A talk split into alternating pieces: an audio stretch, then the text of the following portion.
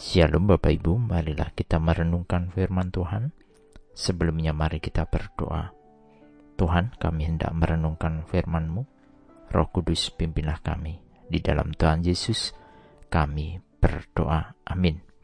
Bacaan saat ini diambil dari 1 Timotius 6 ayat 6. 1 Timotius 6 ayat 6. Memang ibadah itu kalau disertai rasa cukup memberi keuntungan besar. Di dalam Alkitab tidak pernah mengatakan bahwa menjadi kaya adalah dosa. Karena toh Tuhan pun memberkati hamba-hambanya dengan kekayaan materi yang luar biasa. Salah satunya dalam bacaan kejadian 39 ayat 2. Tetapi Tuhan menyertai Yusuf sehingga ia menjadi seorang yang selalu berhasil dalam pekerjaannya maka tinggallah ia di rumah tuannya, orang Mesir itu. Ada pemeliharaan, penyertaan, dan pimpinan Tuhan, walaupun Yusuf harus terpisah dengan keluarganya. Dalam keterpisahan itu, Yusuf justru memperoleh kehidupan yang berubah. Ia yang dahulu dibuang oleh saudara-saudaranya, justru kemudian menjadi pemimpin di Mesir. Ini salah satu contoh bagaimana Tuhan berkenan untuk kita berhasil dan sukses. Ketika semua ada dalam perkenan Tuhan, maka semua bisa kita peroleh dan raih.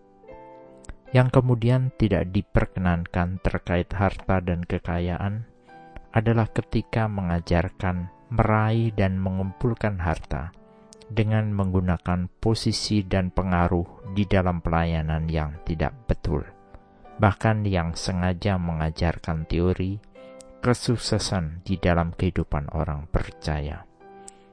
Kita diingatkan bahwa berupaya dibolehkan untuk dilakukan, karena kita memang diperintahkan untuk bekerja, mengupayakan sesuatu, tetapi tidak dengan mengabaikan cara-cara yang Tuhan perkenankan, atau bahkan mengajarkan ajaran-ajaran yang keliru tentang meraih kesuksesan. Kita hendaknya mengingat seperti yang tertulis di dalam ulangan 28 ayat 2. Segala berkat ini akan datang kepadamu dan menjadi bagianmu jika engkau mendengarkan suara Tuhan Allahmu.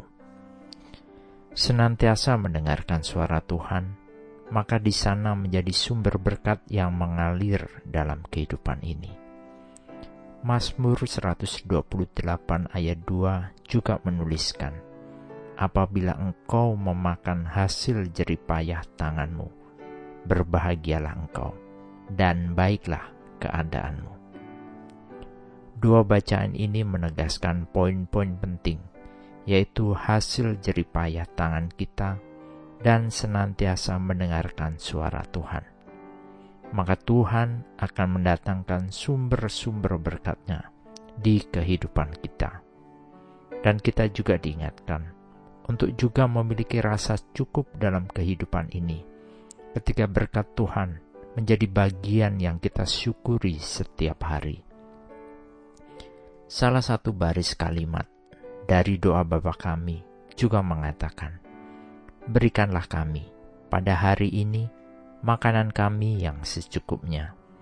Matius 6 ayat 11 Ini mengajarkan tentang kecukupan, bukan kefoya-foyaan.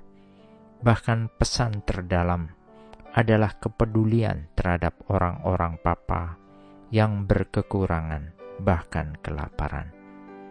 Adalah hal tidak pantas ketika kita berfoya-foya sementara di sisi lain masih banyak orang berkekurangan. Apakah kita telah merasakan keuntungan besar dalam kehidupan ibadah yang disertai dengan rasa cukup kita?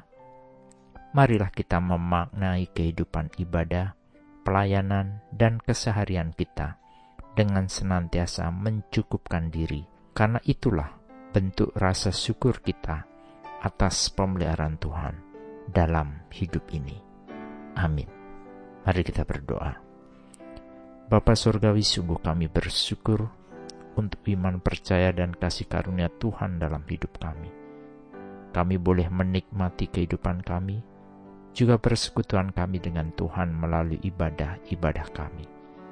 Engkau mengajarkan tentang rasa cukup, karena di sana terkandung syukur kami kepada Tuhan. Tolong kami untuk hidup menghargai berkat yang Tuhan beri, dan ajari kami untuk mengingat orang-orang yang tidak seberuntung kami. Pakailah kami untuk mengajarkan kasih Tuhan dan menjadi saluran berkat bagi mereka. Di dalam Tuhan Yesus, kami berdoa dan bersyukur. Amin. Tuhan Yesus memberkati. Shalom.